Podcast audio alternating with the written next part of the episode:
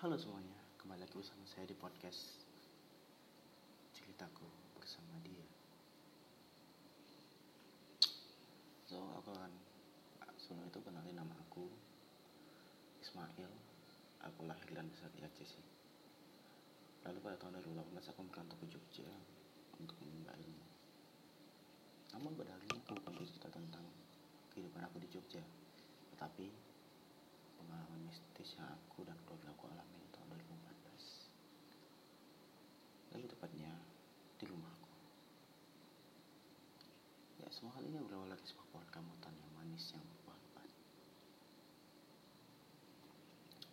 sama itu aku akan jelaskan. Ini adalah based on true story. Kalian percaya atau tidak. Aku akan menghargai kepercayaan kalian. Dan buat yang gak percaya aku mendoakan kalian punya pengalaman bersama dia juga. Supaya kalian tahu. Segala hal yang diceritakan orang tentang dia itu pasti ada alasan kenapa diceritakan. Dan bisa jadi itu adalah kisah nyata mereka.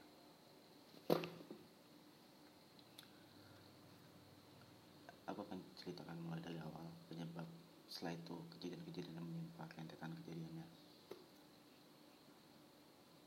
kita mulai dari penyebabnya pada pagi hari aku nggak ingat harinya cuma itu kejadian pada pagi hari semua beraktivitas seperti biasa. Namun ada salah satu warga yang bilang pohon rambutannya berbuah. Oke. Nah kami semua akhirnya aku dan kakakku tuh tak kami tahu maksud pohon buah itu. Ya pohon buah rambutan yang berada di belakang rumahku.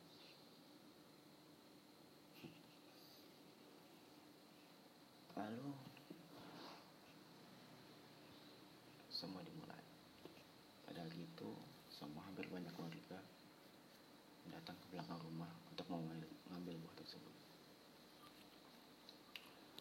Pohon ini kayak memiliki kekuatan magis gitu untuk menarik masyarakat bisa untuk mengambil buahnya. Dan pada akhirnya pada pagi hari setelah kami tahu bahwa ada pohon buah rambutan itu pohon rambutan itu berbuah lebat aku dan kakakku memastikan menjadwalkan untuk pulang lebih cepat. Jadi pada saat pukul 3 sore aku dan kakakku udah sampai di rumah. Pada saat aku lihat ke belakang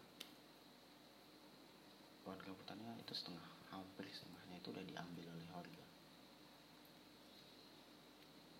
Dan pada saat aku dan kakakku sampai itu kami bingung kan mau mulai dari mana. Akhirnya aku ganti baju kakakku ganti baju. Akhirnya aku gabung sama warga untuk ambil tepatnya lokasi pohon itu tepat di belakang rumah. Nah buat yang kalian tahu buat kalian yang nggak tahu rumah aku tuh belakangnya masih hutan lebat. Tapi di depannya itu jalan jalan menuju pabrik PT sawit. Lalu semua semua kayak biasa. Pada saat naik ngambil ya orang bercerita minum segala macam. Bukan minum amer ya. Minum minum minum air dingin supaya semangat ngambil buahnya gitu loh. Lalu kan itu udah hampir setengah pohon yang udah diambil kan kayak itu udah setengah lah setengah buah setengah buahnya udah diambil. Namun ada beberapa ada beberapa bagi ya beberapa bagian pohon itu yang belum terjamah. Ada kata tuh belum terjamah tuh karena ini tempatnya tuh terlalu ujung dan terlalu tinggi sehingga galah yang dipakai itu nggak bisa menggapainya namun kan ya manusia dipenuhi rasa tamak toh pengen ngambil semua buahnya. Lalu pada saat ngambil itu kan nggak bisa akhirnya ada satu warga dia itu berinisiatif untuk memanjat dan mengambil memotong dahan. Jadi batang pangkalnya itu dipotong dikit supaya ada buah-buah yang ada di ujung itu bisa jatuh. Nah, pelakunya adalah Bang Herman. Nama Bang Herman sini aku samarin menghargai privasi dia. Karena pada saat aku chat itu dia bilang samarin aja il ceritanya. Nah aku buat yang belum tahu aku sama dia ini masih chatting sekarang. Karena dia tuh tetangga di kampung dan aku pun dulu dekat sama dia sering main. Akhirnya pada saat dia berinisiatif memotong dahan itu banyak banyak warga yang nggak mendukung. Ada ada sebagian warga yang nggak mendukung. Kayak merusak takutnya kan. Udah itu tapi ada sebagian lagi yang mendukung. Yang nggak mendukung ini ya takut rusak pohonnya takut ntar buahnya kenapa kenapa pas waktu udah mulai berbuah lagi kan.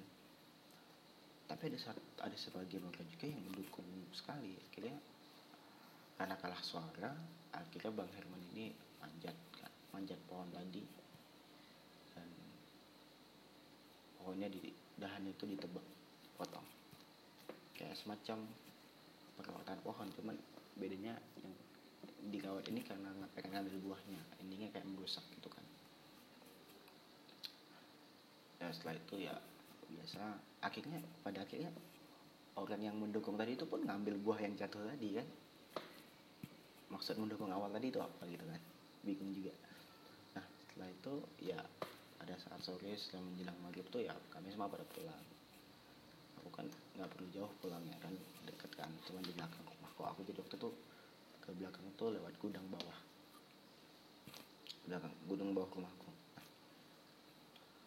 itu adalah penyebab awal semua rentetan kejadian ini. Lalu aku akan menceritakan step per step kejadian-kejadian yang menimpa setelah dahan pohon yang ditebang ini. Pada hari pertama setelah kejadian semua dimulai dimulai oleh si pelaku pemotong dahan. Yaitu Abang Herman. Sebelum kejadian aku akan menjelaskan sedikit latar belakang Bang Herman ini. Ya dia adalah seorang pekerja buruh kasar. Dia bekerja dari pukul 10 pagi sampai 4 sore. Dia juga sudah memiliki keluarga dan memiliki tiga orang anak. Namun di balik hal baik itu dia memiliki kebiasaan buruk yaitu berjudi dan mabuk ya dia suka berjudi. Ya tepatnya judi togel. Judi kartu lah. Pada hari itu setelah dia pulang bekerja dia seperti biasa singgah di salah satu warung tempat biasa dia berjudi togel. Dia berada di warung tersebut sampai tengah malam kira-kira jam 12 lewat dia pulang jalan kaki bersama temannya pada akhirnya. Kebetulan rumahnya dan temannya itu searah dan berdekatan. Nah, aku akan jelasin dulu gimana sih denahnya jadi tempat dia berjudi togel itu melewati depan rumahku untuk pulang menuju rumahnya. Jadi ketemu di tempat judi togel ketemu rumahku lalu rumahnya bang Herman. Gitulah jadi kayak searah kan. Nah, pada saat mereka pulang jalan kaki berdua ini kejadiannya tengah malam hampir jam satu lebih pada saat mereka pulang mereka merasa diikutin. Pada saat mereka merasa diikutin belakang nggak ada kan. Dan akhirnya setelah sampailah di depan pas di depan rumahku nah di depan rumahku tuh ada teras. Mereka melihat wanita tinggi semampai persis seperti kakakku duduk di depan rumah. Di depan di teras aku. Nah buat yang mau tahu juga di teras aku tuh selalu nyediain kursi untuk tamu kalau datang. Duduk duduk manis duduknya kata bang Herman. Duduk manis duduk manis kayak perempuan gitu kakinya dilipat nah tapi kepalanya nunduk rambutnya panjang. Dan rambutnya kayak sekelibat gitu. Dan itu Abang Herman ini mikir pertama itu Kak, Vika. Nah, Kak Vika ini nama kakakku, tapi aku sama gitu, bukan Kak Vika nama aslinya. Mereka kira itu Kak Vika. Terus yang ngomong kan pakai bahasa daerah aku. Maka ada Vika Hendi. Enggak udah kalak menang katana. Artinya ngapain Vika di situ? Orang udah pada tidur semua loh. Kemudian dia nggak menjawab nih dan teman-teman Bang Herman ngomong kan sama Bang Vika. Vika mang i tantang ya tengah lebih hendi artinya Vika juga di situ. Vika juga itu. Coba entah bukan ya dia coba lihat di situ dulu kata nah aku kayak ngomong saya ribet bahasa kampung aku soalnya. Namun Bang Herman tidak berani. Ternyata dia ngomong gak berani aku. Kawanilah aku kalau mau lihat sama-sama teman-teman sama-sama yang temenin lah keren. Dan akhirnya mereka berdua meyakinkan diri datangin wanita itu. Pada saat mereka datang waktu mereka datang itu si wanita tuh kayak langsung berdiri dan ya terbang seriusan terbang pengakuan bang Herman cewek itu di pas di hadapan mereka terbang. Dan terbangnya tahu ke mana? Ya ke arah pohon rambutan. Dan mereka itu pun panik beliau panik sepanik paniknya dan lari sekencang kencangnya dan pada saat lari itu bang Herman terjatuh. Jadi dia ada bekas luka bekas luka jatuh kesandung lah ibaratnya. Kesandung batu lari jatuh bekas lukanya ada di tangan. Besoknya itu dia datang ke rumah. Dia datang ke rumah kami. Setelah itu dia datang ke rumah. Dia ceritain semua kejadiannya ke ayahku pakai bahasa daerah cuman aku pakai bahasa Indonesia. Wah tadi malam tuh ada perempuan depan rumah Wawa aku sama Edi. Edi itu nama temannya cuman aku sama gini sama Edi ini lihat jelas dan dia terbang Wak, gitu Wak. katanya dia bilang gitu. Ayahku tuh ini ya, ayahku jelasin ayah. Ayahku orang yang rasional. Dan dia itu kurang percaya hal kayak gitu. Segitu jadi itu ah mungkin dalam hati ayahku mungkin berpikir gini ah, anak ini kan suka mabuk. Mungkin itu hayalan kan. Udah itu semua lanjut semua lanjut. Ya kayak hari biasa udah kami lupain semua kejadian itu. Dah lalu pada hari itu kejadian aneh. Itu kembali terjadi. Kejadian itu terjadi pada pukul 7 malam atau pada saat maghrib. Berdasarkan pengakuan orang rumah tetangga. Itu kejadiannya di rumah tetanggaku ya tetanggaku tuh mengalami yang namanya kerasukan. Nah, berdasarkan pengakuan tetanggaku orang tetanggaku sebelum itu dia ngomong gini e, aku pengen makan buah rambutan nih katanya. Jadi dia makan buah pengen makan buah rambutan dan buah rambutannya itu yang kemarin yang kemarin diambil dari belakang rumah itu. Buah rambutannya diletakkan di kulkas. Jadi pada saat jalan ke kulkas dia langsung berhenti kayak tegang gitu. Dan langsung ketawa. Oh man seriously? Pada saat ketawa itu ya dia ketawa sekencang-kencangnya kayak ah. Dan pada saat ketawa dia kami warga oh, tetangga rumah orang rumah tetangga itu udah sadar rohnya kesukupan. Terus dipegangin dipanggil lah ustad ustad ustad nah pada saat dia itu aku dan kakakku tuh lagi keluar. Lagi lagi dimakan lah ibaratnya. Dimakan juga malam. Itu kami datangin aku datangin ya pada saat kami tuh kami langsung datang ke situ. Melihat itu udah pada kami ya, warga kan. Pada saat itu aku dengar kami semua dengar si wanita yang kerasukan ini ngomong maaf minta maaf. Terus dia bilang rumah rumah hancur kami langsung bingung kan rumah ini apa? Oke tanya lagi sama ustadznya rumahmu di mana? Di belakang dia bilang. Kami langsung paham. Pohon rambutannya kan bilang. Oh shit seriously udah panik kan. Akhirnya gimana cara minta maaf? Jangan ganggu rumahku lagi katanya. Dia bilang gitu ya si bapak ini minta maaf. Pak ustadz ini bukan minta maaf. Kayak udah langsung disuruh pergi sekarang ini si wanita ini sadar. Nah gitulah. Ada itu. Kejadian ini berlanjut lagi. Efek dominonya masih berlanjut. Dan kejadian itu ada di mana? Ya, di rumahku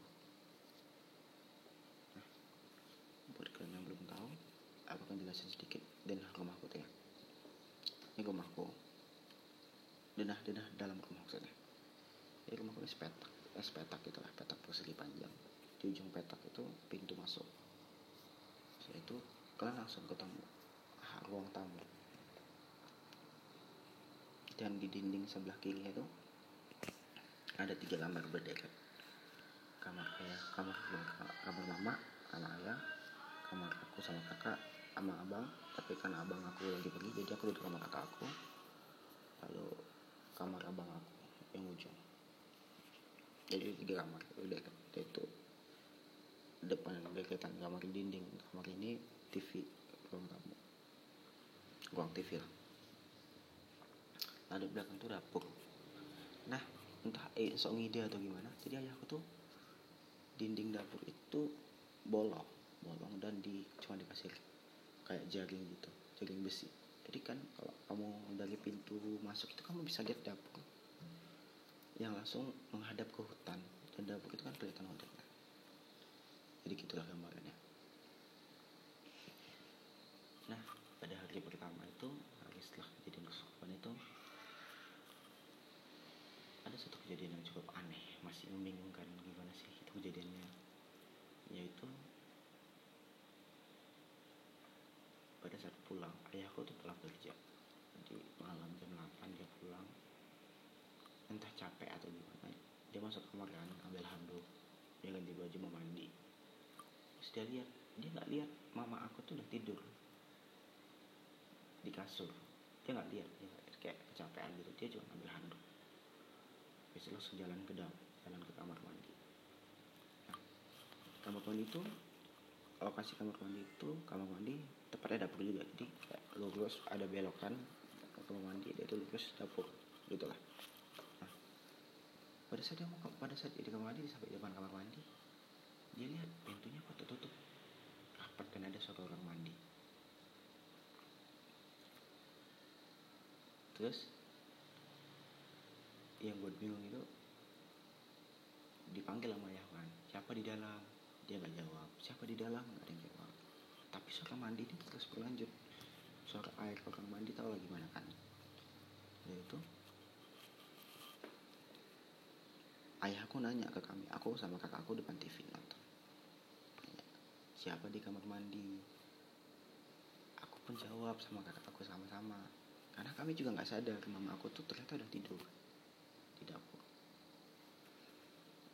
hmm, mama mungkin kami nunggu 15 menitan. Ada 15 menit kami nunggu. Kok mandi lama kali? Perasaan mama aku mandi gak selama itu kan? Mandi kok lama kali? Endingnya yang buat kami semua nganga mama aku keluar dari kamar. Jalan. Kami semua panik bingung. Terus